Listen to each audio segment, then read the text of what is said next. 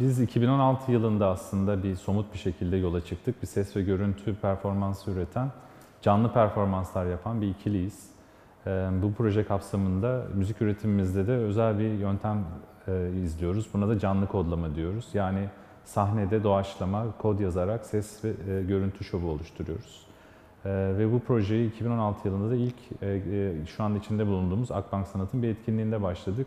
O zamandan bugüne de çeşitli etkinliklerimiz, e, çaldığımız konserler, turneler vesaire e, devam eden bir kişiliği var. Fakat her şeyin yanı sıra müzisyen tarafının ötesinde bir de var etmek istediğimiz bir de sanatçı rol şeyi var, çehresi var.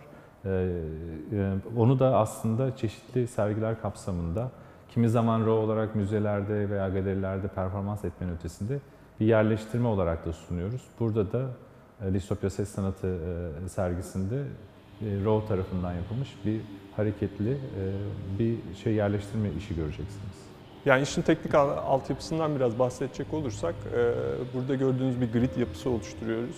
Bu grid yapısında da her köşede lineer motorlardan oluşan ve e, bu üstündeki tabakanın yukarı aşağı gitmesini sağlayan e, bir sistem kurulu. Öte yandan yukarıdan projeksiyonla yansıttığımız görsellerde aslında bu hareketi destekleyen, aynı zamanda arkada bu iş için ürettiğimiz sesle beraber e, değişime uğrayan e, bir toplam bir efektten oluşuyor diyebilirim. Yani ses, mekanik motorlar ve görselin bir araya gelip e, işin altyapısını oluşturması diyebilirim temel olarak teknik anlamda.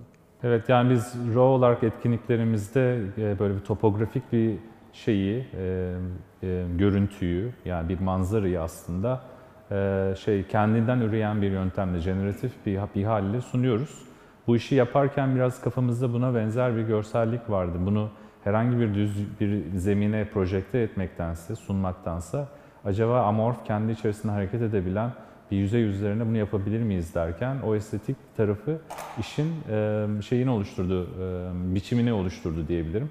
Ama yanı sıra bir yandan da işin aslında bize söylediği bir tarafı da işin adı da Down to Earth. Dünyanın aslında bize yönelik böyle bir, bir toprağın altından elini kolunu uzatıp yakardığı gibi bir şey yaşatmaya çalışıyoruz. Sanki bir membranın altından var olan işte elleriyle kollarıyla bize isyan ediyor. Yani işte yeter der gibi. İşte bu, bu işin karamsar ve distop, distopik tarafını da bu oluşturuyor. Ee, ve buradaki kurulumun neticesinde aslında bizim de işin e, somut olarak gördüğümüz taraflarından biri belki de bir kara delik yaratıyor. Buradan e, dünyanın sonunu görecekmişiz gibi bir karamsar bir çizgide e, sunuyor biçim olarak.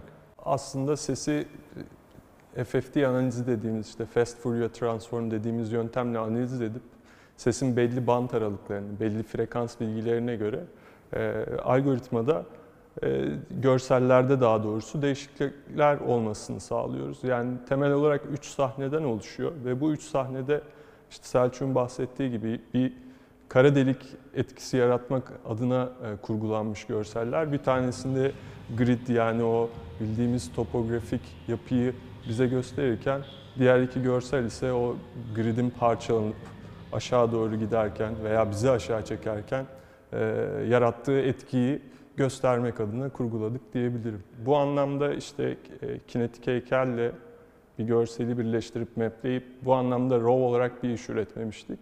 E, aslında ilk defa böyle bir şey yaptık. Biz böyle sonuçlardan memnunuz.